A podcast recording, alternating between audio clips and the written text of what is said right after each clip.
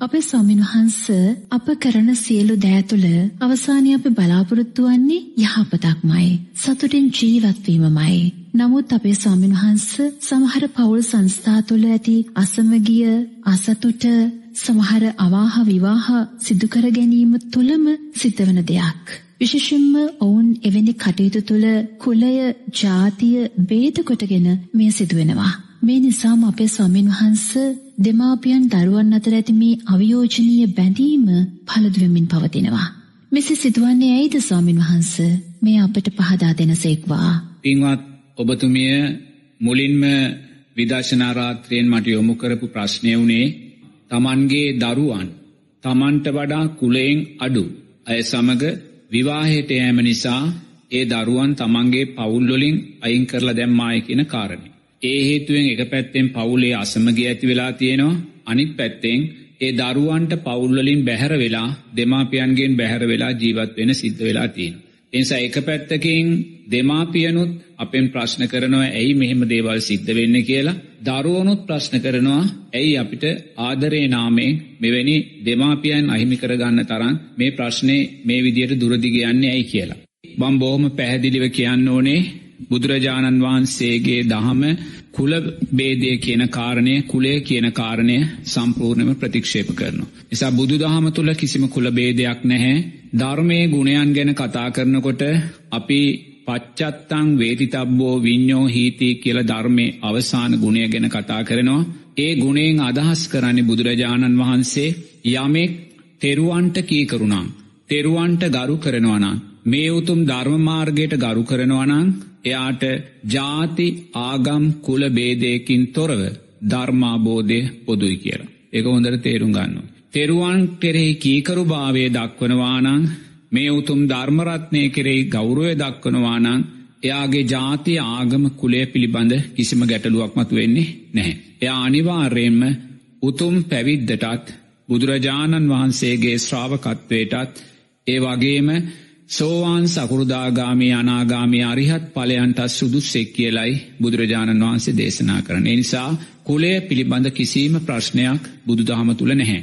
නමුත් අපි දන්න අපි ජීවත්වෙන සමාජය තුළ ප්‍රකටව නැති වුණත් අප්‍රකටව මේ දේවල් බහුලාකාරයෙන් සිද්ධ වෙන. දැන් පසුගේ දවසක මටමතකයි ධර්මදේශනාවක් වෙලාවේ එක අම්ම කෙනෙක් ඇවිල කියනවා ස්වාමීන් වහන්ස මගේ දියනිය අම්මතාත්තට බොහොම කීකරු භාවෙන් කටයුතු කළා.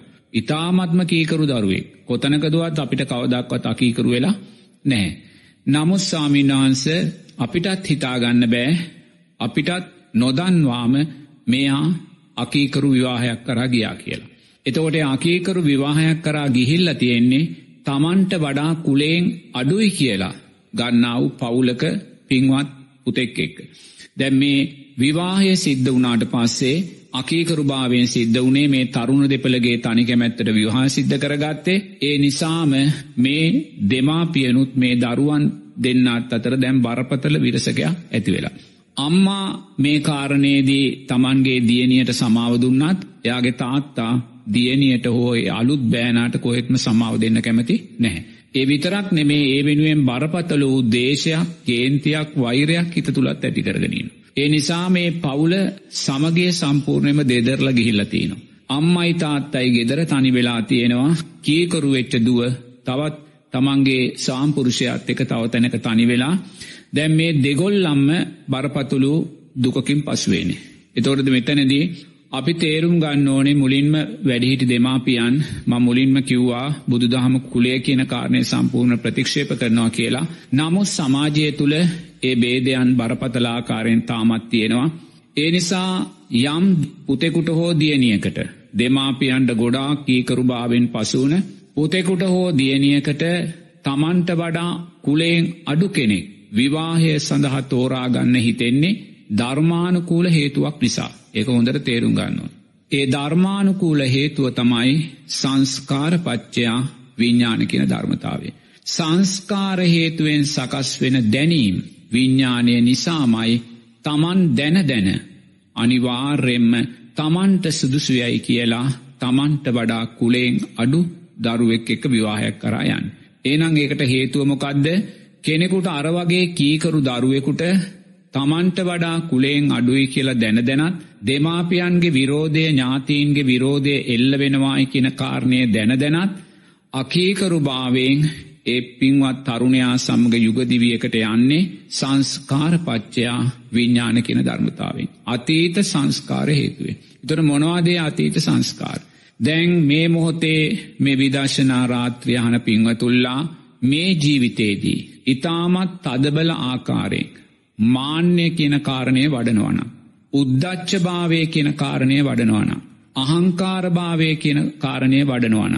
ඒ වගේම තමන්ගේ යම් දක්ෂභාවයන් නිසා ඒ දක්ෂභාවයන් උපයෝගී කරගෙන එයා අනුන්ව පීඩාවට පත් කරනවන. අනුන්ව මානසික හිංසනයන්ට පත් කරනවන. ඒවගේම ඊර්ෂ්‍යාව තදින් වඩනවන. තව කෙනෙක්ගේ දියුණුව දකින්න කෙනෙක් කැමති නැත්තං. එවැනි අකුසල් හේතුවෙන් ඔබට මේ ජීවිතේ හෝ ඊළඟ ජීවිතේදී තමන්ට වඩා කුලයෙන් අඩු කෙනෙක් විවාහ කර ගැනීමේ දැනීම් සකස් වෙන්න පුළුවන්. එන මෙතන සුන්දර ධර්මයක් තියෙන. රණ්ඩු වෙලා පවුල් දෙක වෙන් වෙලා අකුසල් පුරෝගණ ධර්මයක් නෙමේ හේතු පල ධර්මයක්. එතොට ඒ හේතුව තමයි පෙර ජීවිතේ අපි මාන්‍යයට පත් වුණ උඩගු භාවයට පත් වුණ ආංකාර භාව අද සමාජයේදය බලන්න ධනය නිසා මාන්‍යයට පත්වෙච්චයි කොච්චරන්නවා. රූපය නිසා මාන්‍යට උඩඟු භාවයට පත්වෙච්චයි කොච්චරන්නවා. මේ මේ තමන්ගේ අධ්‍යාපනය නිසා දැනුම උගත්භාවය නිසා මාන්‍යයට පත්වෙච්චයි කොච්චරන්න. තමන්ගේ හැකියාවන් නිසා මාන්‍යයට පත්වෙච්චයි වෙන. තමන්ගේ පිරිවර නිසා තමන්ගේ බලය නිසා නිලය නිසා කොච්චර මාන්‍යයට පත්වෙච්ච උද්දච්ච භාවයට පත්වෙච්ච අහංකාර භාවයට පච්චේ නේ අද අපේ රටේ ගෞරෝණිය දේශපාල පිංහ තුල්ල ගන්නකෝ. ජනතාවගෙන් චන්දය අරගෙන ජනතාවගේ දෙපතුල්ලඟට ඇවිල්ලා එගොල බලයක් ගත්තට පස්සේ ඒගොල්ලො කවදදාක්වත් ජනතාවට අවනත වෙන්නේ නැහැ. මාන්නක් කාරවිදියට උඩඟු විදිහට උද්දච්ච භාවයෙන් යුතුව තමන්ගේ තීරණ තුළ තමන්ගේ ආකාරයෙන් ඉන්න තව කෙනෙකුට ගරු කරන්න හැ. ඒවගේම රටේ නිලධාරී පන්තිය සමහරුවය බලන්නකෝ. ඒ අය කොයිසා ජනතාව උදෙසා ජනතාවගෙන් වැටුම් ගත්තාත් ඒ අය තමන්ට උරුම වූ මාන්නක්කාරභාවයන්ගෙන් උද්දච්ච භාවයන්ගෙන් කටු. ජනතාවට ඇහුන්කන් දෙන්නේ. ජනතාවට අවනත වෙන්නේ නෑ. මං වැටුප් ගන ජනතාවගෙන් කියන කාරණය දකින්නේ. එතොට මේ අකුසල් තමන් තුළ පදංග වශයෙන් වැඩෙද්දි. මේ අකුසල් නිසා සිල්වතුන් පීඩාවට පත්වෙද්දී. ගුණවතුන් පීඩාවට පත්වෙද්දී. එහි විපාකයන් බරපතලයි එම විපාකයන් නිසා දරුවන් කොච්චර දෙමාපියන්ට කීකරු භාවෙන් ජීවත් වනත් පාසල් අවදයේදී තරුණ අවදයේදී අරාකුසල් විපාකෙට එද්දී කිසි කෙනෙකුට හිතාගන්න බැරිවිදිහට එයාට දැනීම් සකස් වෙනවා තමන්ට වඩා කුලයෙන් අඩු කෙනෙක් එක්ක විවාහකට යන්න. එනං හේතුවක් එතන තියෙන. ඒ නිසාම තමයි බුදුරජාණන් වහන්සේ සම්මා දිච්චයට අදාළව අම්මා තාත්තාගේ ගුණයන් ගැන දේශනා කළතියෙන. අම්මා තාත්තා මහා බ්‍රක්්මෙක්. අම්මා තාත්තා උතුම් රහත් ගුණයන් තියෙන කෙනෙ. අන්න එතන දකින්න ඕන. මොකද අම්මා තාත්තාගේ රහත් ගුණය ආනන්තරිය පාපකර්මයකට අම්මා තාත්තා මැරීමත් ආනන්තරිය පාපකර්මය රහතන් වහන්සේ මැරීමත් ආනන්තරිය පාපකර්මය. නමුත් අනාගාමි උත්තමයා මැරුවා කියලා ආනන්තරිය පාපකර්මයක් වෙන්නේ ඉං අදහස් වෙන්නේ. බුදුරජාණන් වහන්සේ අම්මා තාත්තා රහත් ගුණයන් තුළ තියලතිනවා. මොකද රහත් ගුණය කියල කියන්නේ. රහතන් වහන්සේගේ තියෙන ප්‍රධානම ගුණේ තමයි උන්වහන්සේ සංස්කාරයන්ගේ අනිත්‍ය භාවය අවබෝධයෙන් දකිමිනු ජීවත් අවබෝධය. එනං උන්වහන්සේලා නිරය තුරුවම මේ මොහොතේ මේ ලෝකය කොයිසා සුන්දරව තිබුණත් ඊළඟ මොහොත උන්වහන්සේලා අනිත්‍යයි කියල දකිින්. අපි දන්න මේ ලෝකය මේ මොහොතේ මේසා සුන්දරව තිබ්බත් ඊළඟ විනාඩියේදී තුන්වෙනි ලෝක යුද්ධේ ආරම්භය සිද්ධ වෙන පුළුව. මේ ලෝකය මේ මොහොතේ කොයිසා පාරසිරික සුන්දරත්වය තුළ තිබ්බත් ඊළඟ මොහොතේ භූමි කම්පාවකින් සුනාමියකින් සුළි සුළඟකින් මහා විනාසයක් පරිසරය තුළ සිද්ධ වෙන්න. එ උන්වහන්සේලා සංස්කාරයන්ගේ අනිත්‍ය භාවය අවබෝධ ඥානයෙන් දකමින් උන්වහන්සේලා ජීවත්වේ. මේ මොහොතේ ජීවත් වනත් ඊළඟ නිමේශේදී තමන්ගේ පිරිනිවීම සිද්ධ වෙන්න පුළුවන් කියල දක්මින් ජීවත් ඒ සංස්කාරයන්ගේ අනිත්‍ය භාවය දකින රහතන් වහන්සේලාගේ ස්භාවය. ඒසා බුදුරජාණන් වහන්සේ අම්මා තාත්තාගේ රහත් ගුණයන් කියන්නේ දෙමාපියන් දක්ෂ වෙන්න ඕන හිතන්න. තමන්ගේ දරුවා කොයිසා කීකරුභාවෙන් කටයුතු කළත්. කොයිසා කියනදේ අහන දරුවෙක් බවට පත් වනාත් සියලු සංස්කාරයෝ අනිස්තයි. අද කීකරු දරුවා හෙටා කීකරු වෙන්න පුළුවන්. අද කියනදේ අහන දරුවා හෙට කියනදේ නාහන දරුවෙක් වෙන්න ඇයි ඒක තමයි දෙමාපියන්ගේ රහත් ගුණේ. ඉතින් එහෙම දකිද්දේ දෙමාපියන් මොකක්ද කරන්න ඕනේ. ඒ දරුවාගේ කුසල්ලේට අදාළ සංස්කාරයන් ශක්තිමත් කර දෙන්නවා. ඒ දරුවා වැඩිපුර පින්කම්වලට යොමු කරන්න ඕන. ඒ දරුවාට සීලේ ශක්තිය ජීවිතයට කියල දෙන්න ඕන. ඒ දරුවාට මෛත්‍රයේ ශක්තිය ආනිසංස ධර්මයන් ජීවිතයට එකතු කළ දෙන්න ඕන. ඒ දරුවාට අම්මා තාත්තාගේ මහා බ්‍රහ්ම ගුණ ගැන කියල දෙන්න ඕන. ඒ දරුවාට අම්මා තාත්තාගේ රහත් ගුණයන් පිළිබඳව කියල දෙන්න ඕන. එහෙම කියල දෙද්දී. ඒ දරුවා පින තුළ කුසලය තුළ මෛත්‍රිය තුළ ශක්තිමත් වෙද්දී. අර අතීතේ මාන්‍යයට අදාළ උද්දච්ච භාවයට අදාළ උඩඟු භාවයට අදාළ අහංකාර භාවයන්ට අදාළ ඊර්ෂ්‍යාවට අදාළව වැඩුවා වූයේ නරක සංස්කාරයෝ යටපත් වෙලා අන්න ඊට පස්සේ මෛත්‍රියයට අදාළ සංස්කාරයන් ශක්තිමත්වෙනවා. තොර මෛත්‍රියයට අදාළ සංස්කාරයන් ශක්තිමත් වෙද්දී ඒ දරුවාට දැනීමක් සකස් වෙන්න හැ. තමන්ට වඩා අඩුපාඩු සහිත විවාහයක් කර යන එක කුලයෙන් විතරක් නෙමේ කොයි හෝ තමන්ට වඩා සුදුසුකම්මොලින් අඩු කෙනෙක් විවාහයක් කරායාමෙදි මෙන්න මේ හේතුන් බලපාන්න පුළුවන්. එනිසා අපිට තේරෙනවා මටමතකයි දැන් පහුගේ සති දෙකේ වගේ කණ්ඩායම් දෙකක් තමන්ගේ දරුවන් ගැන තමන්ගේ හිතවතියකට හිතවතුන්ට වෙච්චගේ ගැන මේ ප්‍රශ්න යොමු කලා. තේන මටත් මතකයි. ෝදේගොල්ලො කිව්වේ දරුවන් අපේ ආලුවෝ මේ විදියට විවාහයන් සිද්ධ කරගත්ත තමන්ට වඩා කුලේෙන් අඩුයයි සම්මත. ඒ නිසාම දැම් මේ පවුල් අතර බරපතල විලසකයක් ඇති වෙලා තියනවා දෙමාපියන්ගෙන් ඈත් වෙලා තියෙන දෙමාපියන් දරුවන්ට වෛර කරනවා. එනිසාම දරුවනුත් දෙමාපියන් කරේ අප්‍රසාදයෙන් බලවත් දෙපාර්ශ්වය මකුසල්. එන ඉතින් දැම් මෙතන තියන්නේ අකුස්සලයක් විපාකදීමේ ස්භාවය. එතොට අකුසලයක් විපාක දෙන්නේ තව තව අකුසල් කරගන්න නෙමේ ඒක හොඳට තේරුම් ගන්න. නිසා බුදුදහම සම්පූර්ණයම කුලය කියන කාරණය ප්‍රතික්ෂේප කරනවා එනිසාපි කුලය මුල් කරගෙන යම් ප්‍රශ්නයක් දිහැ බලද්දි ඒ තැනදිම අපි තෙරුවන් කෙරේ සද්ධාවෙනුත් බැහැරවෙනවා එක හොඳට තේරුම් ගන්න. නමුත් දැන් වෙච්චදේ වෙලා ඉවරයි. දැන් තමන්ගේ දුවපුතා එවැනි විවාහයකට බැඳුනා ඒ සංස්කාරයන්ට අදාළ එනම් දැන් අපිට තියෙන්නේ ඒ තැනයිදං මේ ප්‍රශ්න නිවැරදි කරගන්න. එනං දරුවෙකුට අකීකරු භාවයෙන් යුතුව එවැනි වැරදි විවාහයක් කරා සම්මතයෙන් බැහැරුණු විවාහයක් කරා යන්න සිද්ධ වෙනවනං ඒකේ දරුවාගේ වරදක් නෙමේ දෙමාපියන්න එක දක්ෂ වෙන්නවා. හිතන්න. එක දරුවාගේ වරදක් නෙමේ ඒක සංස්කාරපච්චයා විඤ්ඥාන කියන ධර්මතාවේ ස්භාවේ.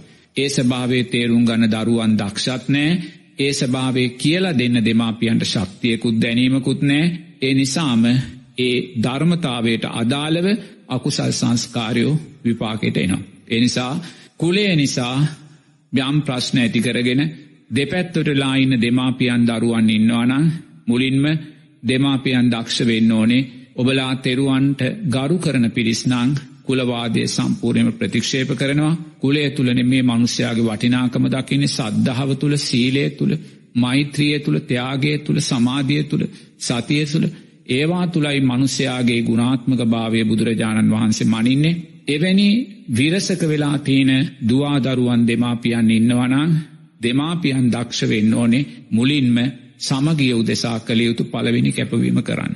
හොද අම්මත් ආත්ත කියනවනං ඔය මහත්තයා අතහරින් නැතු අපේ ගෙතෙත් එන්න එපා කියලා මංහිතන ඒක බලවත් වරද. එනිසා වෙච්ච දේවුණා ඒක හරි. නමුත් ධර්මානුකූලවේව තේරුම් අරගෙන තමනුත් පින තුළ ශක්තිමත් වෙලා දරුවනුත් පින තුළ ශක්තිමත් කරගෙන ඉදිරිපත් වනා වූේ අභියෝගයන් ජයගන්න දෙමාපියනුත් දරුවනුත් දක්ෂ වෙන්න ඕනේ. මොනම හේතුවක් නිසාවත් භික්ෂුවක් හැටියට මම දරුවෙක් එවැනි අකේකරු විවාහකට ගියානං ඒ දරුවාට මං තනිපුර වර්ධ පටවන්න යන්නේ නැහැ. මොකද ඒකේ දරුවාට තේරුම් ගන්න බැරි ධර්මානුකූල හේතුවක් එතන තියෙන්නේ ඒක තමයි සංස්කාරපච්චයා විඤ්ඥාන කියන ධර්මතාවය ඒ නිසාමයි බුදුරජාණන් වහන්සේ කියන්නේ පාසල් දරුවාත් තරුණවයේ දරුවාත් හැකි තරන් ධර්මයට යොමු කරලා සීලයට යොමු කරලා මෛත්‍රියට යොමු කරලා ඒ අයගේ අතීත අකුසල් සංස්කාර තියෙනවනං ඒවා යටපත් කරලා කුසලයෙන් නැගී හිටින්න මෙවැනි අකීකරු තීන්දු තීරණ නොගන්නා තත්ත්වයට යාගේ කුසල් පක්ෂය ශක්තිමත් කරන්න දෙමාපියන් දක්ෂවෙන්න එසේ නොවී වැරද්දක් සිද වුණාට පස්සේ ඒ දරුවන් තමන්ගේ පවුල්වලින් ඉවත් කිරීම ඈත් කිරීමයත් තනි කිරීම ඔබලාටත් අනාගත සංසාරයේ දරුවන් හැටියට දෙමාපියන්ගෙන් වෙන්වෙලා දෙමාපියන්ගෙන් ඈත් වෙලා ජීවත්වීමට අදාළ සංස්කාරයන් නොදැනුවත් භාවයෙන්ම දෙමාපියනුත් රැස්කරගන්නා බව බොහෝම කරුණාවෙන් සීපත් කරන්න ඕනි. අවසර අපේ ස්වාමීන් වහන්ස සමහර වෙලාවට අපේ ස්වාමීන් වහන්ස ඉතාමත්ම සියුම් කරණ සම්බන්ධයෙන් අද දවසෙත් සමහර විට මේ මොහොතෙත් අපි දැවෙන ද්වේෂ සිතිවිලි වලින් ජීවත් වෙනවා.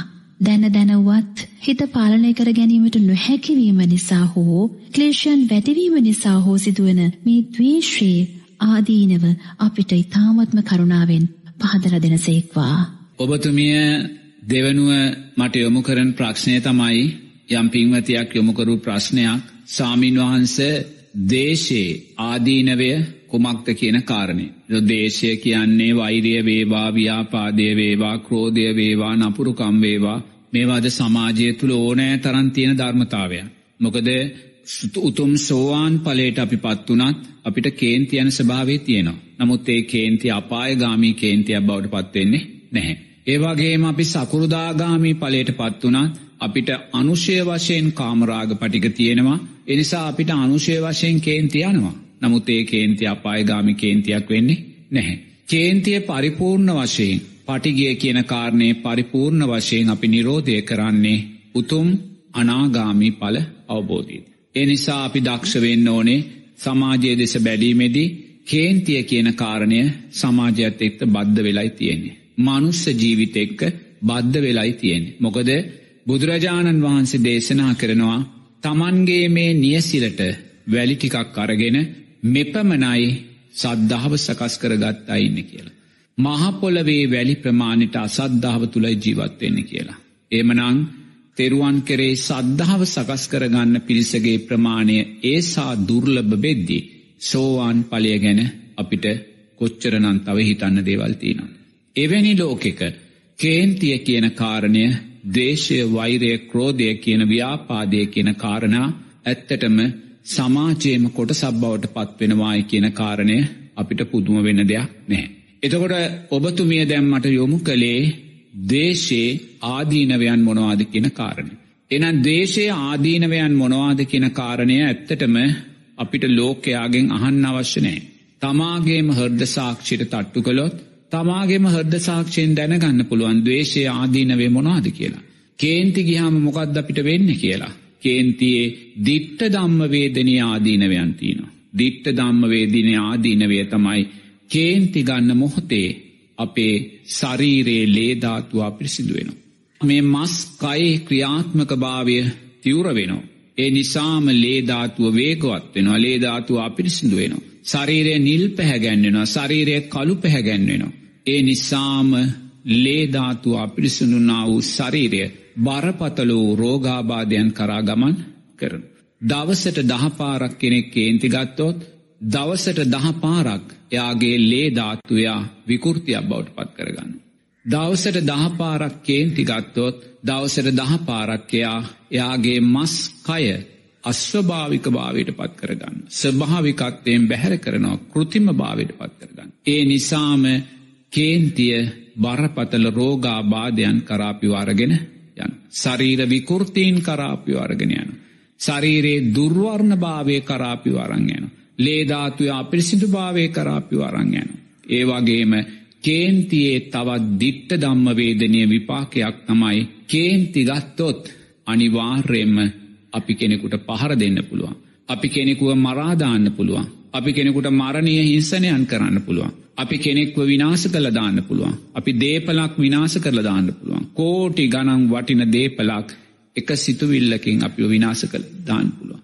එනිසා කේන්තියේ දෙවැනි දිට්ට දම්මවේදිනයා විපාකය තමයි අපේ කේන්තිය නිසා කෙනෙක් මරාදාන්න කෙනෙකුට පහර දෙන්න කෙනෙකුට කායික මානසික හිංසන කරන්න දේපලකට හිංසනය කරන්න මහා විනාශකාරී සිතුවිල්ලක් අපි ඉසිරහට අරගෙන යන්න පුළුව. එනිසා කේන්තියේ දිට්ට දම්ව ආදිනවයන් මේ ආකාරයෙන් අපි සමාජය තුළ දකිනවා. අද සමාජය තුළ කොයිසා නම් මිනිමැරුම් වැඩිද. අද සමාජය තුළ කොහි සරන්නම් පහරදීම් කොයි තරන්නම් මනුස්ස හිංසනයන් සත්ව හිංසනයන් වැඩිද. අපි මෙ දකින. කොයි සානම් රෝගාබාධයන් කර්ම රෝගයන් උත්සන්න වෙන සමාජයකද අපි ජීවත්තයෙන්. කොයි සානම් වර්ණය දුර්වර්ණ වෙන සමාජයකද අපි ජීවත්තයෙන්. කොයිසාද රටේ සුවඳවිලවුන් කොයිසා ශරීරය ලස්සන කිරීමට අදාර ධර්මතාවයන් කොයිසා වේගෙන් ප්‍රවර්ධනය වෙනවාද. ඇයි ඒ ප්‍රවර්ධනය වෙන්නේ. ස්භාවික ලස්සන රූපයෙන් අතුරු දහන් වෙලා යනකොට අස්වභාවික ලස්සන අපි ජීවිතයට එකතු කරගන්න වෙනවා. එනිසාම රූපලාවර්ණය මේ ශේෂත්‍රවල බලවත් පිබිදීමක් සමාජය තුළ තියෙනවා. මේ සියලු ශේෂත්‍රවල අපි ඇඳුම් පැළඳුම් ශේෂත්‍රේ වේවා රූපලාවන්න ශේෂත්‍රේ වේවා මේ සුවදවිලුම් ශේෂ්ත්‍රවල වේවා මේ නැගී එන මහා රැල්ල කියන්නේ දවේශයේ වෛරේ පලයෙන් සකස්වෙන ධර්මතාවයක්මයි. මනුස්්‍යයා ස්භාවික ලස්සනින් ඇත්වෙද්දී. මනුස්්‍යයා ස්භාවික නිරෝගී භාවෙන් ඇත්වෙද්දි. මනුස්්‍යයා අස්වභාවිකවේ දේවල් ජීවිතයට එකතු කරගන්න කරන්න වූ සටනයි අපි සමාජය තුළ මේ දකිින්. ඒමනං මෙවන් ගොරෝසු සිතුවිලි නිසා මෙවන් අකුසල් මූලයන් නිසා සමාජයේ බරපතල විනාසයන් කරා ඇදීගෙන යත්ති අපි දකින්න ඕනේ මේ සම්මා සම්බුද්ධ ශාසනයේ කොයිසානම් සුන්දර තැන් තියෙනවද කියලා. ඇයි අපි මේ අසුන්දර තැන් ගනුම් කතා කරන්නේ. ඇයි මේ අසුන්දර තැන් ගැනම කරුණ හොයන්නේ. මේ අසුන්දර තැන් යටපත් කරලා මේ ලෝකධාතුවේ සුන්දරම තැන් මතුකර ගන්න ධර්මයන් මේ උතුම් සම්මා සම්බුද්ධ ශාසනය තුළ තියෙන. මේ උතුම් සම්මා සම්බුද්ධ ශාසනය තුළ අපි දකිනවා සමහර පිංහතුල්ලා අපිට කියනවා. ඇවිල්ල ස්වාමීන් වහන්ස. මට කේන්තිගියා ඒ කේන්තිගිය වෙලාවේ මට උන්නා මලා තේරුණේ නෑ කියලා. තමන් ඉටියාද මලාද කෙළයාට කේන්තිගයායට තේරුන් නැහැ. ඇයි මොකක් දෙවුණේ බුලු කේන්තියම ජීවිතේ බවට පත් වුණා. ශරීරයේ ආශ්වාස ප්‍රාශ්වාස කයත් ශරීරයේ මස්කයත් මේ දෙකම කේන්තියක් බවට පත් වුණ. සාමීන් වහන්ස මම අහබලා දැක්කා මට උන්න මලාද කියලමටේ වෙලා විතේරුමක් නෑ. මම අහවල් රූපය දැක්කා මට මොනවා උනාද කියලා මට තේරුමක් නැහෙම කියන රාගය වැඩි වෙලා අහිංසක දරුවෙක් අහිංසක තරුණෙක් තරුණයක් දූෂණය කරලා ඒ කෙනා මරාදාද්දි මැරුණාට පස්සෙ තමයි අර පුද්ගලයා කියන්නේ මට මොනවා උනාද කියලා මම දන්නෙවත් නැහැ කියලා. එයා දන්නේ නෑ ඇත්තට මොනවද වුණා කියලා. ඇයි එයාගේ ජීවිතේ එයාගේ පාලනයෙන් බැහැර වෙලා. එයාගේ ජීවිතයේ සම්මා සතියේ පාලනයෙන් බැහැර වෙලා. එතකොට එයාගේ ජීවිතයේ සතිය බැහැරවෙද්දී එයාව කෞුද පාලනය කළේ දේශය විසින් යාව පාලනය කළා. රාගය විසින් යාව පාලනය කළා. එයාගේ මස් කයත් ආශ්වාස ප්‍රාශ්වාස කයත් දෙකම රාගයක් බවට පත් වුණා. දේශය බවට පත් වුණා. දැම් බුදුරජාණන් වහන්සේගේ ධර්මය සුන්දර තැනක් තියෙනවා. එය ආනාපාන සති භාවනාවට අදාළව යමෙක් ආශ්වාස ප්‍රාශ්වාසයට හිතයොමු කරලා ආශ්වාසය සියුම් කරලා ආශ්වාසය සැහැල්ලු කරලා ආශ්වාසය සංහිදීම දිසාවට අරං ඇවිල්ලා. එයා පළවෙනි ධ්‍යානතලය ස්පර්ශ කරද්දී. ඒ පළවෙනි ධ්‍යානතලයේදයාට පුළුවන්කම ලැබෙනවා කියනවා. එයාගේ ආශ්වාස ප්‍රාශ්වාස කයත් එයාගේ මස් කයත් දෙකක් කොට දකින්න. ද අපි මෙහෙම වාඩි වෙලා අපි කාමයන් ගැන හිත හිතා හිටියොත් පංච නීවරණ තුළ හිටියොත් අපිට අපේ ආශ්වාස ප්‍රාශ්වාස කය මස්කය කියන දෙකක් කියලා තේරෙන්නේ. අපිට තේරෙන මේ දෙක මේකට බද්ධ වෙලා කියලා. මේක දෙකක් කියලා අපිට හැඟීමක් වත්නෑ මේ දෙක එකක්. මේ දෙක එකට බද්ධ වෙලායි තියෙන්නේ. ඔවු ඒ අපිට පේනවා.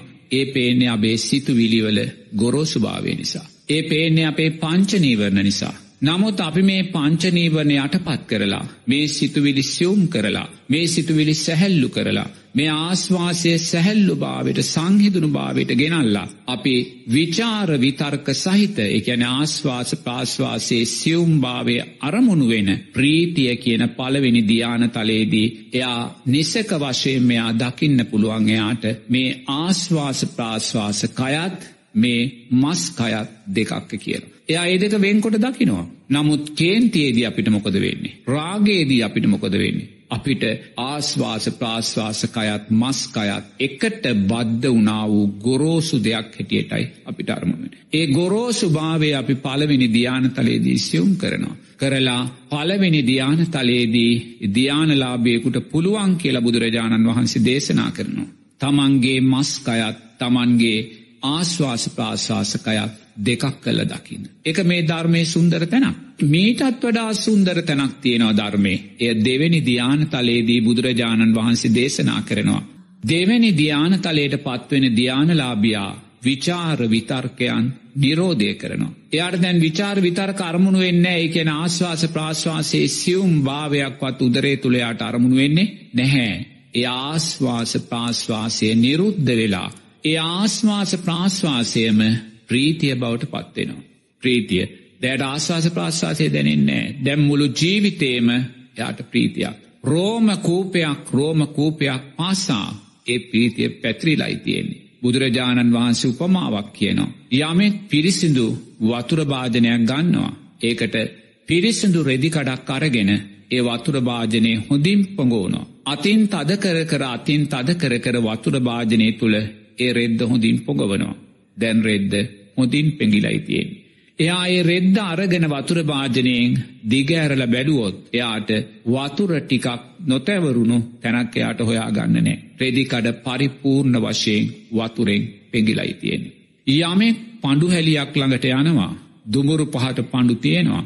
එයා සුදු රෙද්දක්ගේ පණ්ඩු හැලියට දාලා එක හොඳින් පොඩි කරනවා. හොඳින් වතුර උරාගන්න පණ්ඩු උරාගන්න සලස්සනවා. අවසානයේ රෙතිකඩ අරගෙන එයා දිගහැරල බැලුවොත් ඒ සුදු රෙදිකඩ පරිපූර්ණ වශයෙන්ම පණ්ඩුවලින් පෙගිලයි තියෙන. ඉන්දිකඩු තුඩක තරංමත් සුදක් යාට පේන්න නෑ. ඉන්දිකඩු තුඩක තරංමත් තැනක් වතුරෙන් තෙමුන් නැති තැනක් එයාට දකින්න මුළු රෙදිකඩම වතුරෙන් සමස්සේ පෙගිල තියෙනවා වගේ. දෙවැනි ධ්‍යාන තලේදී විචාර විතර්ක නිරෝධය කලා වූ යෝගාවචරයා තමාගේ මුළු ශරීරෙම ප්‍රීතිය තුළ දකිනවා කියලා බුදුරන් වසිත.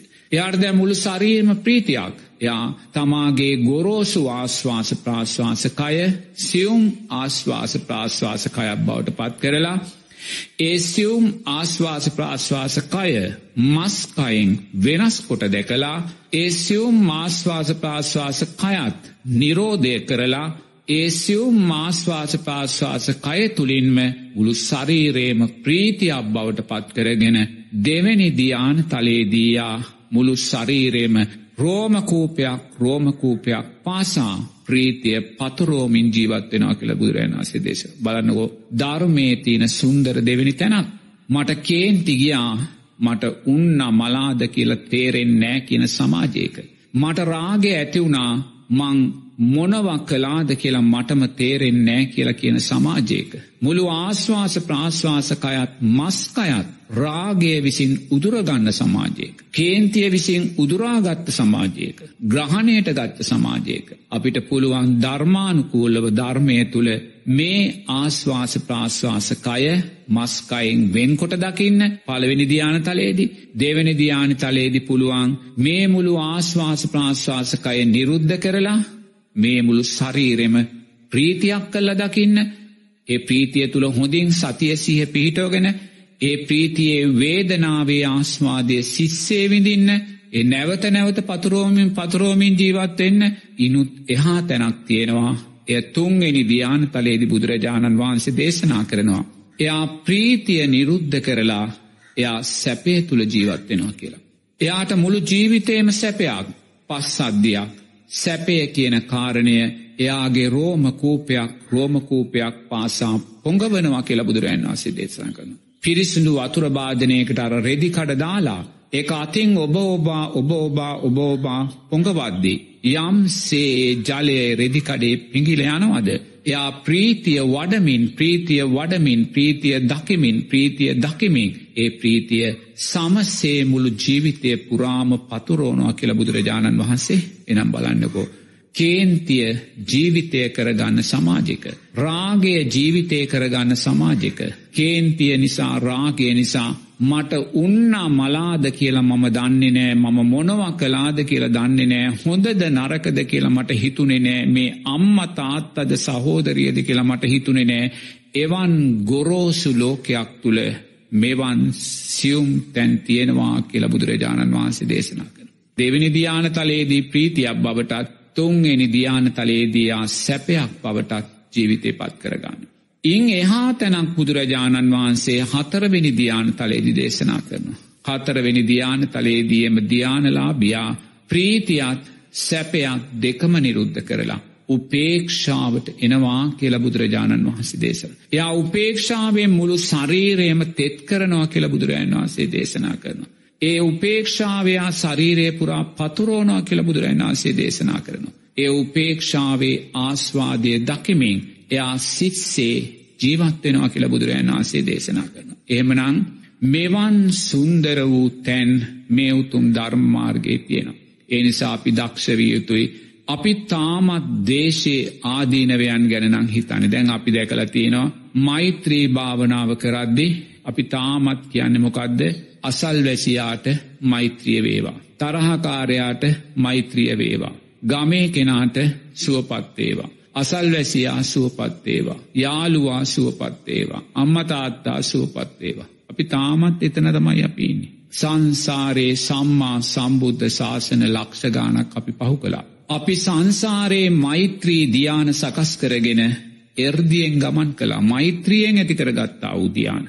මෛත්‍රිය තුළින් හිට සමාධිමත් කරලා ඒ සමාධිමත් හිතෙන් දියානතල ඇති කරගෙන ඒ දියානතලවලින් කය සැහැල්ලු කරලා ඒ සැහැල්ලු කරා වූ කය ආසට ඔසවලා අපි එර්දිමතුන් නැතියට මෛත්‍රී භාවනාවෙන් අපි ජීවත් වුණ. මෛත්‍රිය වඩලාපි රූපාවචර අරූපාවචර බ්‍රහ්මතලවල කල්ප ගන ජීවත් වුණා. අපි සෑම කෙනෙක්ම එරමිනිිය ගොතාගෙන වඩපු මෛත්‍රිය ඒ මෛත්‍රිය වැඩුවා වූ කාලයන් සියල්ලම එකතු කොළොත් අපි එරමිනිිය ගොතාගෙන කල්පගානක් එකදිකට මෛත්‍රී වැඩුව හා සමානවෙන. ඒසා සංසාරයේ අපි එරමිනිිය ගොතාගෙන අපි මේ ධ්‍යාන සුවය මේ මෛත්‍රී සුවය අපි විඳලා තියෙනවා. නමුත් ඒ සියලු සංස්කාරයන් වෙනස් වෙලා කිය. ඒසා සංසාරයේ මෛත්‍රිය පුහුණු කරපු අපි මේ මොහොතෙත් හිතන්නේ අසල් වැසියා සුවපත්තේවා අසල් වැසියාට වෛර නොකරම්වා කියන තැනදී අපිට තේරෙනවා අපේ හිත මෛත්‍රියෙන් කොච්චර නම් ප්‍රාථමිකද කියලා. අපිට තාම බැහැ අල්ලපු ගෙදර කෙනාටත් සුවපත් වේවා කියන තැන ශක්තිමත්ව ඉන්න. අපි ඒ කෙනා වෙනුවෙනුත් කේන්ති ගන්න ස්භාවෙන් ඉන්නේ. අපිට තෑම බෑ අම්මා තාත්තා සහෝදරය සහෝදරය ඥාතියා ගුරුවරයා කියන කෙනත් එක්වත් යාළුවා කියන කෙනැත් එක්කත් සුවපත් වේවා කියන අර්ථයෙන් එක එල්ලේ ඉන්න.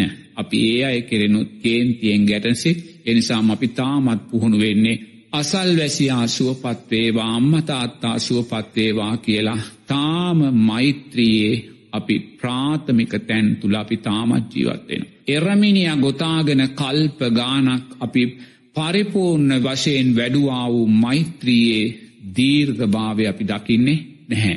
එනිසා දේශය ඇති වෙනවනං කේන්තිය වෛරය ව්‍යාප්‍රාදය ක්‍රෝධය ඇති වෙනවනං ඊට ඖෂධය තමයි මෛත්‍රිය. එනිසා ඔබ දක්ෂ වෙන්න නිරතුරුව මෛත්‍රී චිත්තය තුළ ජීවත්වෙන්. ඒ මෛත්‍රිය චිත්තය තුළ ජීවත්වෙද්දී නිරතුරුව ඔබ ඔබට මෙ සිත පතුරුවන්න. නිරතුරුවම මම කයේ දුක්දුරුවී සිතේ දුක්දුරුවී නිදුක්වෙත්වා නීරෝගිවෙත්වා සුවපත්වෙත්වා කියලා ඉළඟට මේ මුළු ලෝකේම හිතයොමු කරලා සියලු සත්වයන්ටම මෙ සිත පතුරුවන්න. ඉළඟට බවාත්‍රය තුළ ජීවත්වෙන සත්ව කොට්ටා සහතර සතරාපායේ සත්වයින් මනුස්සලෝකේ ජීවත්වෙන මනුස්සයින් දිව්‍ය තලාශ්‍රිතව මනුසලෝක දෙවියන් බ්‍රහ්ම තලාශ්‍රිතව ජීවත්වෙන බ්‍රහ්මයින්. එනිසා අපි දක්ෂවෙන්න ඕනේ සතරාපාය කියද්දී මේ සමස්ත සතරාපායම නුවනින් මොහොතක් දකින්න. මේ තිරිසන් ලෝකය මේ කුරුළු ලෝකය මේ මේ සතරාපාය ප්‍රේතලෝකය නිරේ අසුරලෝකය අර අවීචයේ දුක්විඳින දේවදත්ත නිරිසතා අජාසත්ත නිරිසතා දක්වා අපි එක ෂණයෙන් නුවනින් දකින. සතරාපායේ සත්‍යයෝ සුවපත් වේවා කියද්දී ඔබට මේ තිරිසන් අසුර ප්‍රේත මේ නිරය කියන සියල්ලම එක චිත්තයෙන් ඔබට අරමුණු වෙන්න ඕනේ. දේවදත්ත නිරිසතා ඔබට එක චිත්තයෙන් අරමුණු වෙන්න. ඊළඟට ඔබ සියලු මනුස්්‍යයෝ කයේදුක් දුරුවී සිතේදුක් දුරුවී නිදුක් වෙත්වා නීරෝගි වෙත්වා සුවපත් වෙත්වා කියලා හිතෙද්දී ඔබට මේ මනුස්ස ලෝකයේ ජීවත් වෙන සියලු මනුස්ස ප්‍රජාව ඔබට අරමුණු වෙන්න. ඇමරිකාවෙද යුරෝපේද ඔය සෑම මනුස්සේක්ම එක චිත්තයෙන් ඔබ අරමුණු කරගෙන සුවපත් වේවා කියලා හිතන්න ඔබ දක්ෂ වෙනවා. සියලු දෙවියෝ සුවපත් වේවා කියල සිතද්දි ශස්ත්‍රීක දිව්‍ය තල හය වගේම මේ ගම් නගර රටවල් ලාස්ටිතව ජීවත් වෙන සියලූම දෙවිවරු බොම්මාටු දෙවරු රුක් දෙවරු මේ සෑම කෙනෙක්ම එක චිත්තයෙන් සිහියට නගාගෙන සුවපත් වේවා කියලා ඔබට හිතෙන්නවා. බ්‍රසියලු බ්‍රහ්මයෝ සුවපත් වේවා කියල හිතද්දේ රූපාවචර අරූපාවචර අනාගාමී බ්‍රහ්මතලවල සියලූම බ්‍රක්්වයෝ එකම චිත්තයකින් සිහියට නගාගෙන සුවපත් වේවා කියල හිතන්න ඔබ දක්ෂ වෙන්නුවන්. එතකොට සතරාපායේ සත්වයින් මනුස්සයෙන් දෙවියන් බ්‍රහ්මයින් කයේ දුක් දුරුවේ සිතේ දුක් දුරුවේ නිදුක් වෙත්වා නීරෝගි වෙත්වා සුවපත් වෙත්වා කියද්දී ඔබ සමස්ත බවාත්‍රයටම ඔබ මේ සිත පැතුරුවා වෙන. ඒ සමස්ත බවාත්‍රයේ ජීවත්වෙන සියලූම බ්‍රහ්මයින්ට සියලූම දෙවියන්ට සියලූම මනුස්සෙන්ට සතරාපා සත්වයින්ට ඔබ මෙස්සිත පැතුරුවා වෙන. එනිසා ඒ මෙස්සිත අසල්වැසියා සුවපත් වේවා මට ක්‍රෝධ කරන කෙනා සුවපත් වේවා කීවාට වඩා කෝටියක් ගුණක් මෛත්‍රයේ ශක්තිය ඔබේ ජීවිතයට එකතු කරගන්න. මොකද අපි බ්‍රහ්මයා සිහිපත් කරලා සුවපත්වෙත්වා කියද්දී. අපි මේ ලෝකධාත්තුවේ ජීවත්වෙන මහා පුං්ඥවන්තේ කරමුණු කරගෙනයි අප සුවපත් වේවා කියන්න. දෙවියන් සුවපත් වේවා සක්ක දෙවියන් සිහියට නගාගෙන සුවපත් වේවා කියද්දි මහා පුං්ඥවන්ත චරිතයක් මුල් කරගෙනයි අපි සුවපත් වේවා එනිසා මේ මෛත්‍රියයේ ශක්තියත් අපේ ජීවිතට ගොඩාක් ශක්තිමත්ව ලැබෙන. එනිසා අපි සුවපත් වේවා කිව්වට ලෝකය කවදක් සුවපත් වෙන්නේ නෑ අපි සුවපත් වේවා කෙනාර්ථය තුළින් අපි දකින්නේ ලෝකය උපයෝගී කරගෙන තමා සුවපත් භාවයට පත්වීමයි. එනිසා ඔබ දක්ෂ වෙන්න ඔබ කේන්ති යන කෙනෙක් නං කේන්ති ආදීනවය ගැන ඔබ හොයන කෙනෙක් නං නිරතුරුව මේ ආදීනවය හොයනවා වගේම ඔබ දක්ෂ වෙන්න කේන්තියට ගතයුතු සැබෑ ඖෂදය වෙන මෛත්‍රිය මේ මුළු බවාත්‍රයේ ජීවත්වෙන සෑම සත්වයකුට මෙත් වඩමින් ඔබ ඔබේ ඒ දවේශසිත වෛරසිත ක්‍රෝධසිත යටපත් කරගන දක්ෂ වෙන්න කියන කාරණය කරුණාවෙන් සිහිපත් කරන්න ඕනේ. අපේ ස්වාමින් වහන්ස තවදුරටත් මේ සසරින් එතර වන්නට අපට ලබාදී ඇති මේ වස්සාන සමයේ ආර්ය අෂ්ටාංගික මාර්ගය චතුරාර්ය සත්‍ය ප්‍රගුණ කරගන්නට අප වෙහෙස විය යුත්තේ කෙසේද අපේ ස්වාමින් වහන්ස? අප කළ යුතු දෑ මොනවාද අපේ ස්වාමින් වහන්ස? තවදුරටත් අපට පහදා දෙනසේක්වා. දැන් මේ සුන්දර වස්සානයක් උදා වෙලා තියෙනවා. මම හිතන්නේ දැන් පළවෙනි මාසෙ ගෙවී ගියා. වස්සානයේ දෙවෙනි මාසය තමයි මේ උදා වෙන්නේ. එතකොට මේ වස්සානය කියන්නේ දානමය සීලමය භාවනාමය පින්කම් වලින් පිරී ගියා වූ තුන් මාසයක්. ඊළඟට චීවර මාසය උදාවෙනවා චීවර මාසය පින්කම් මාසය බවටයි අපි පත් කරගන්න. එනිසා නිරේතුරුව අපි දක්ෂ වෙන්න ඕනේ ආරෙෂ්ඨාංගික මාර්ගයේ වැඩෙනාකාරයෙන් මේ පින්කන් සිද්ධ කරගන්න එතනදි ආරෙෂ්ඨාංගික මාර්ගයේ පින්කම කියන කාරණය නියෝජනය කරන්නේ සම්මාවායාමයන්. සම්මාවායාමයන් කියල කියන්නේ ආරෙෂ්ඨාංගික මාර්ගයේ හයවෙනි මාර්ගාංගය සම්මාවායාමයන් අයිති වෙන සමාධියට අදාළ ධර්මතාවයන්ට. එතකොට සම්මා වායාමයන් කියල කියන්නේ කරන්නා වූ කුසල් අපි ශක්තිමත්ත කරනවා. නොකලා වූ කුසල් අපි කරන්න පටන්ගන්නවා කලා වූ අකුසල්ලොල්ට අපි යන්නේ නෑ. නොකලා වූ අකුසල් අපි කරන්නේ. එනම් මේ සමස්ත වස්කාලය පුරාවට චීවරමාසය පුරාවට අපි මේ සිදු කරගන්න සෑම පින්කමක් තුළින්ම අපි දක්ෂ වෙන්න ඕනේ අපේ සම්මා වායාමයන්ගේ ශක්තිය අපි ඇති කරගන්න. තොර සම්මා වායාමයන්ගේ ශක්තිය ඇතිකරගත්තොත් පමණයි අපේ සමාජයට සම්මා සතියක් ඇතිවෙන්නේ. සම්මා සතියක් ඇතිකරගත්තොත් පමණයි අපේ සමාජයට පංච නීවරණයන් බැහැරවෙච්ච සති සම්බෝජ්ජංගයන්ගෙන් උපදින සප්ත බොච්චංගයෝ ඇතිකරගන්න පුළුවන්වෙන්. අද අපේ රටේ දුර්වලම වෙලා තියෙන සති සම්බෝජ්ජංගයයි සති සම්බෝජ්ජන්ගේ දුර්වලවීම නිසා සමාජය පංච නීවරණයන්ගේ ග්‍රහණිට දැඩි විදිහට නතු වෙලා තියෙනවා. එමනං සමාජය මේ මොහොතේ ඇතිවෙලා තියෙන්න්නා වූ මේ සම්මා සතියේ දුර්වල භාවය හොඳ නරක තේරුම් ගන්න තියෙන අපහසුභාවය. ද කාටුවත් හොඳ නරක තේරුම් ගන්න බැහැ. හොඳද නරකද කියන කාරණය නෙමේ වටින්නේ තමාට වෙන්න වූ ලාභය තමාට වෙන්න වූ වාසිය ගැනයි. ආත්මාර්ථ කාමයෙන් පිරුණාගේ වූ සමාජයක් අද සමාජය තුළ ජීවත්වෙන. රට ගැන හිතන්නේ නෑ.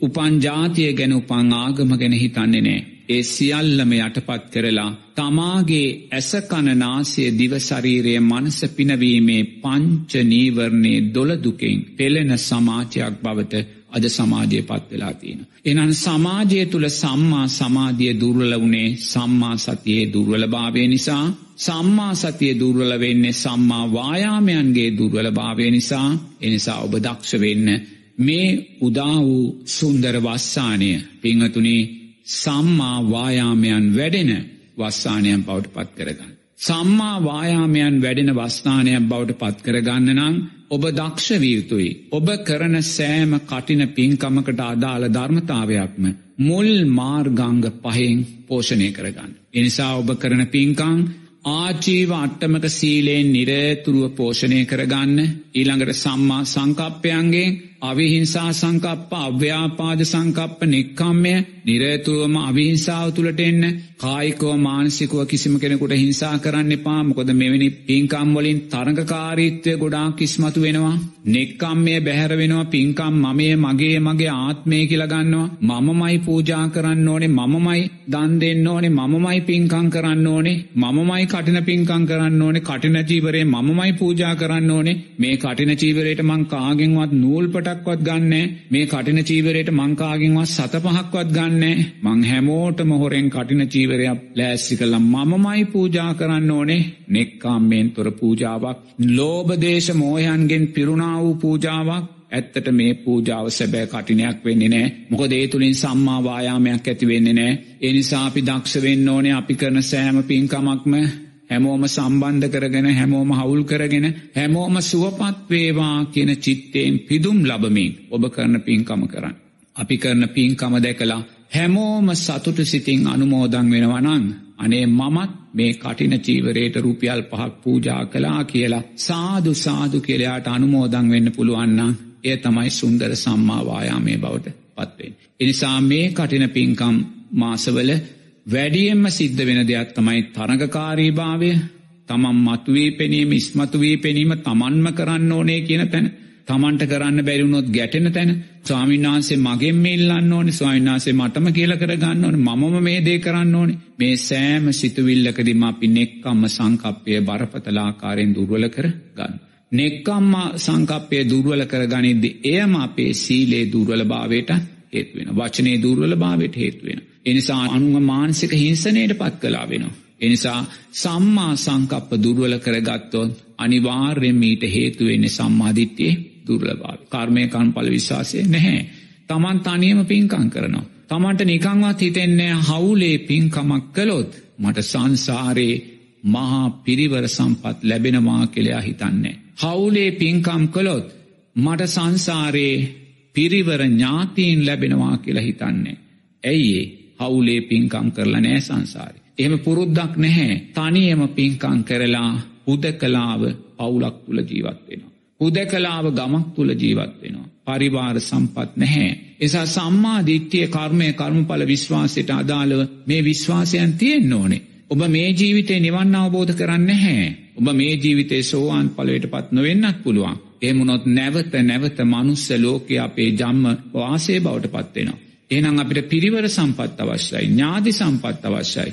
වර්ණය සැපේ බලය අවශ්‍යයි. අපි සෝවාන් පලට පත් වෙලා සෝවාන් දෙවියෙක් වුණත් අපිට දිව්‍ය තලවල වර්ණය සැපේ බලය අවශ්‍ය වෙනවා. එනිසා නිරේ තුරුවම අපි කරන්න වූ පින්කම් හැමෝම හවුල් කරගෙන හැමෝම එකතු කරගෙන හැමෝම සම්බන්ධ කරගෙන ඉන් ලැබෙන්න්න වූ විපාකයන් පිළිබඳ දැනගෙන කර්මය කර්මඵල විශ්වාසය දැනගෙන අපි මේ පින්කම් සිද්ධ කළොත් ඒ සෑම තැනකදිම අපිට ආර්යෂ්ඨාංගික මාර්ගය අපේ ජීවිතයට එකතුනා වෙන. සම්මා වායාමයන් ශක්තිමත් වනා වෙනවා. ඒ සම්මා වායාමයන් තුළින් අපි සම්මා සතියට සම්මා සමාධියයට පාරමක් අදාගත්ත කෙනෙක් බවට පත්වෙන. මේ වස්තුම්මාසය ඔබ දක්ෂ වෙන්න පන්සලත් ගමත් අතර පන්සලත් නගරයක් අතර තියෙන සම්බන්ධාවය ශක්තිමත් කරගන්න. අපි මේ කතා කරන්නේ සම්මා සම්බුද්ධ ශාසනයට මේ උතුම් සිංහල බෞද්ධ සංස්කෘතියට බලවත් වූ අභියෝගයන් බලවත් වූ ප්‍රශ්නාර්ථයන් එකතු වෙන සමාජයකයි. එකතු වෙන කාලෙකයි. එනිසා ගමේ පන්සලත් ජනතාවත් අතර තියෙන්න්නා වූ සම්බන්ධතාවය තව තව ශක්තිමත් වෙන්න ඕන. මේ සිංහල බෞද්ධ සංස්කෘති ආරක්ෂා කරලා දෙන්න මේ රටේ පාලකින් තාම දක්ෂ වෙලා නැහැ. ඊට අදාළ සම්මාධිට්්‍යයේ පිංහතුල්ලා තුළ නැහැ. එනිසා අපි ඒගොල්ලොත් එක ගැටිල වැඩක් නැහැ. එනිසා ඒගොල්ල මේ උතුම් සිංහල බෞද්ධ සංස්කෘතියට අලාභ වෙන තීරණ තීන්දු ගනිත්ති. ජනතාවක පැත්තෙන් ජනතාව දක්ෂවියයුතුයි. පන්සලත් එක තියෙන සම්බන්ධය ශක්තිමත් කරගන්න. ඒවගේම සාමීන් වහන්සේලා දක්ෂවියතුයි. සංඝයා කෙරේ ගරුත්ව ඇතිවෙන සංඝයා කෙරේ සද්ධහා ඇතිවෙන විදිහට තමන්ගේ කටයුතු සංවිධානය කරගන්න. ඒවාගේම පින්වතුල්ලා දක්ෂවියතුයි පන්සලකට වේවා ආරන්නෙකට වේවා යමක් පරිත්‍යාග කරද්දී අවශ්‍යදය කරලා දෙන්න. ගොද අද අපිට පේනවා රැල්ලක් වගේ කුටි හදනවා. හැමෝම හැවොත් හද කියන්නේ කුටියක් හදනවා සමිනාස් අපි අහවල් තැන කුටියක් හදනවා. අහවල් ආරන්නේ කුටියක් හදනවා. අහවල් පන්සලේ කුටියක් හදනවා. ඒක දැන් රැල්ලක් වගේ කුටිට සංස්කෘතියන. නමුත් අපිට පේනවා සමහර ආරන්න එකට ගියොත් පන්සලකට ගියොත් වැසිකිලියට ගියොත් ඒ වැසිකිලිය ඉතාමත් දුරුවල තත්වෙන් තියෙන්නේ. ඒව පිරිසිදු කරලා නෑ එක අපවිත්‍ර භාවෙන් තියෙන්නේ. නමුත් ඒ ආරාමෙම අපි ගිහිල්ල ලක්ෂ ගානක් වියදන් කළ කුටිය හදනවා. සමාර පන්සලකට ගිහාම ඒ පන්සලේ තියෙන උයනගෙට ගිහාම එක පුදුමාකාර විදියට දුර්වර්ණ වෙලා. අපවිත්‍ර වෙලා.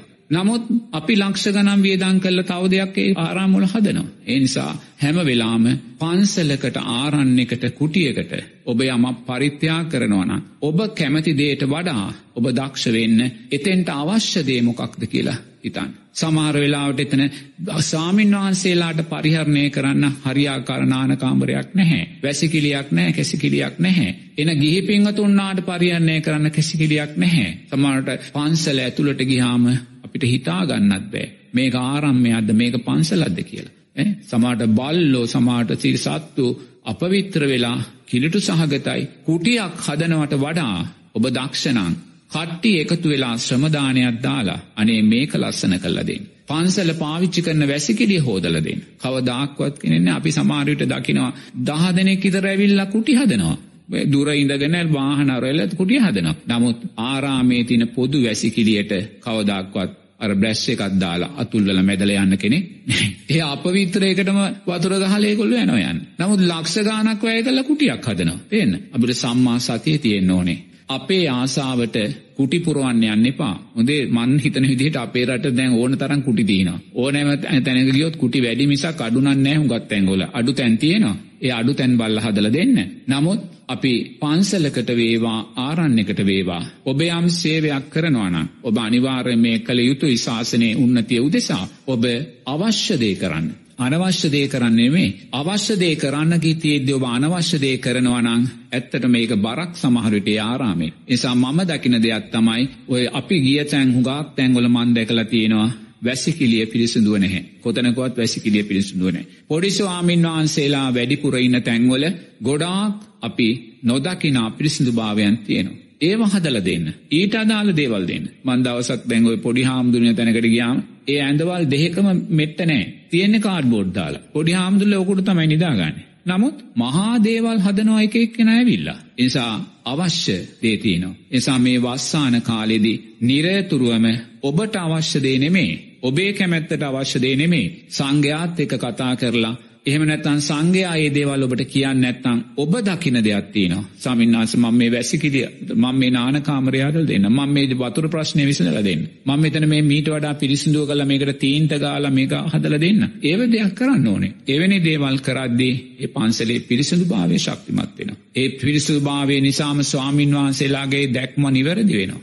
ඒ නිසා නිරේතුරුවම ඔබලා මේ වස්සාන කාලයේදී පින්කම් කරද්දි. නිරතුරුව සංඝයා විමසලා ඔබේ පන්සලට ඔබේ ආරන්නට අවශ්‍යදේ කරන්න. අවශ්‍යදේ දෙන ඔබට අවශ්‍යදේ මේ පන්සලට මෙට්ට පහක් අවශ්‍යවේදී ඔබ ගිහිලා ත්‍රීවිල්ලයක් පූජා කළ හරියන්න හැ. එන්නේ ඔබේ කැමැත්ත ඒක. නමුත් වටින්නේ ඔබේ කැමැත්ත නෙමේ පන්සලේ අවශ්‍යතාවය. එනිසා නිරේතුරුවම මේ වස්සානය පුං්ඥවන්ත වස්සානයක් බවට පත් කරගන්න මොකද සම්මා සතිය බරපතල විදියට දුරුවල වෙන සමාජයක අපි ජීවත් වෙන්නේ පංච නීවරණ ඉහවහා ගිය සමාජයක අපි ජීවත් වෙන්නේ එනිසා සම්මා සතිය යැඩි මේ සමාජය තුළ ඇති කරන්න නං මේ සුන්දර වස්සානය හොඳ අවස්ථාවක් කරගන්න ඔබට පුළුවන්. ඒ හොඳ අවස්ථාව තමයි මේ සුන්දර වස්සානයේදී ඔබ සිදු කරන සෑම පින්කමක්ම සම්මා වායාමය වැඩෙන පින්කමක් බවට පත් කරගන්න. මොකද හෙට දවසේ මේ රටට ආදරය කරන නායකෙක් මේ සිංහල බෞද්ධ සංස්කෘතියට ආදරය කරන නායකෙක් මේ ජාතික සමගියට ආදරය කරන නායකෙක් මේ රට ඇති කරන්න නම් එය කරන්න පුළුවන් එකම ධර්මතාවේ තමයි සම්මාවායාමයන්. සම්මා වායාමයන් තුළ මේ රටේ සමස්ත ජනතාව තුළින් වැඩෙන පිනේ ශක්තියයි සංස්කාරපච්චයා විඤ්ඥානකින ධර්මතාවය තුළ වඩාත් යහපත් නායකයෙක්ගේ සම්ප්‍රාප්තිය උදෙසා අපිට උපකාරක වන ධර්මය බවට පත්වෙන. එනිසා අපි දක්ෂ වෙන්න ඕනේ සියලු සංස්කාරයන් අනිත්‍ය වූ ලෝකෙක අදට වඩා ආරක්ෂාකාරී හෙටක් මේ සමාජයට උදා කරලා දෙන්න. ඊළඟ පරම්පරාවට මේ උතුම් සම්මා සම්බුද්ධ ශාසනය ආරක්ෂාකුට දෙන්න. ඒවගේ මද අපිට පේනවා උතුරු නැගෙනහිර පෙදේශවල බලමත් ශාසනික තර්ජනයන් සිද්ධ වෙන ස්භාවයකට රට පත් වෙලා තියෙන. පෙනි පෙනි තියෙන සිංහල බෞද්ධ නටබුන් පුරාවස්තු විනාස කරන. ඒවා තමන්ගේ ග්‍රහණයට අන්‍යාගම් ගහනට ගන්න බලවත් වූ විනාසයන් තර්ජනාත්මකෝ සිද්ධ වෙන රාජ්‍ය අනුග්‍රහයෙන් සිද්ධ වෙන අවස්ථාව බවට මේ අවස්ථාව පත්වෙලා තියෙන නිසා මේ සියලුම අභියෝගයන්ට මනුෂ්‍යත්වයෙන් ධර්මානුකුලෝ අපිට මුහුණ දෙන්න ඕනෙනම් ඒ මුහුණදීමේ ශක්තිය අපිට ලබල දෙන්නේ සම්මා වායාමයන් විසින්මයි. එනිසා ඔබ දක්ෂ වෙන්න. මේ උදාවනා වූ සුන්දර වස්සානය පිංහතුනේ ආර්යෂ්ඨාංගික මාර්ගය ශක්තිමත් වෙන. සීලේ ශක්තිය මෛත්‍රියයේ ශක්තිය සද්ධාවේ ශක්තිය නෙක්කම් මේ ශක්තියෙන් පෝෂණය වුණාව සම්මා වායාමයන්ගෙන් පිරුණු සුන්දර වස්සානයක් බවට පත්කරගෙන. ඒ සම්මා වායාමයන්ගේ ශක්තියෙන් පිංහතුනේ සම්මා සතිය මේ මනුස්ස සමාජයට යළි දායාද කළ දෙන්න. කළයුත්ත නැකොළයුත්ත මොකක්ද කියන කාරණය තේරුම් ගන්න ස්භාවයට මේ සමාජය පත් කරන්න. කුසලය අකුසලේ නිවැරදිව තේරුම් ගන්න සමාජයක් බවට පත් කරන්න. සීලය දුස්සීලභාවේ නිවැරදිව තේරුම් ගන්න සමාජයක් බවට පත් කරන්න. සම්මාධිට්්‍යය මිත්‍යා දෘෂ්ටිය නිවැරදිව තේරුම් ගන්න සමාජයක් බවට පත් කරන්න. මේ උතුම් සිංහල බෞද්ධ සංස්කෘතියේ වටිනාකම තේරුම් ගන්න සමාජයක් බවට මේ සමාජය ඒමනං ඒ සම්මා සති අපිට ඇති කරලා දෙන්නේ සුන්දර සම්මා වායාමයන් විසින්මයි මේ සම්මා සතියමයි අපිට සති සම්බෝජ්ජන්ගේ තුළින් පිංහතුනේ නිවැරදි සමාජයක් කරා යන්න පාරාපිට කියල දෙන්නේ. සාධූ සාධූ සාධූ. හොඳයි පිංහතුන් අප්‍රමාණ සතුරට පත්වෙන්න මේ සුන්දර රාත්‍රියයේ සිරස ගුවන් විදිලි ඉදිරිය වාඩි වෙලා විදර්ශනා රාත්‍රය සවනය කරලා රැස්කරගත්තා වූ මේ අප්‍රමාණ කුසල් ධර්මයන්ගේ ශක්තියෙන් මේ සුන්දර ධර්මසාකච්ඡාව ශ්‍රවණය කරපු පින්වත් ඔබ සියලූම දෙනාටත් ඒ වගේම ගම්වාසී රටවාසී සියලු දෙනාටත් ඒ වගේම උත්තරීතර මහානායක සාමීන් වහන්සේලා ඇතුළු සියලූම වන්දනය මහා සංගරත්නයටත් මේ පින් නිදුක් නීරෝගේ සුවපත්භාවය දීර්ඝායුෂ පිණිසම හේතුවේවා කියල සාදු කියන්න. ඒ වගේම මේ රැස් කරගත්තා වූ සෑම පිනක්ම මේ මෝතේ කල්්‍යාන මිත්‍රභාවෙන් උපකාරක ධර්මයන් සකස්කොරදුන් පින්වත් සාර්ධ මහත්මයාට ඒ පින්වත් සමිනි මහත්මියටත් ඒ වගේම සිරස ප්‍රධානී ඒ සජිත්‍රත්නායක මහත්මය ඇතුළු කාර්යමණ්ඩලේ සියලූම පිංහතුල්ලාටත් මේ පින් නිදුක් නීරෝගී සුවපත්භාවය දීර්ඝායුෂ ඔබ සියලූම දෙනාට උතුම් චතුරාර් සද්ධර්මයෝ දැකීමට මේ පින් උත්තම ශක්තියක් වේවා කියලා මෙස්සිතිං ආසිරිවාද කරනවා සියලු දෙනාට තෙරුවන් සරණයි. සාධූ සාධූ සාධූ.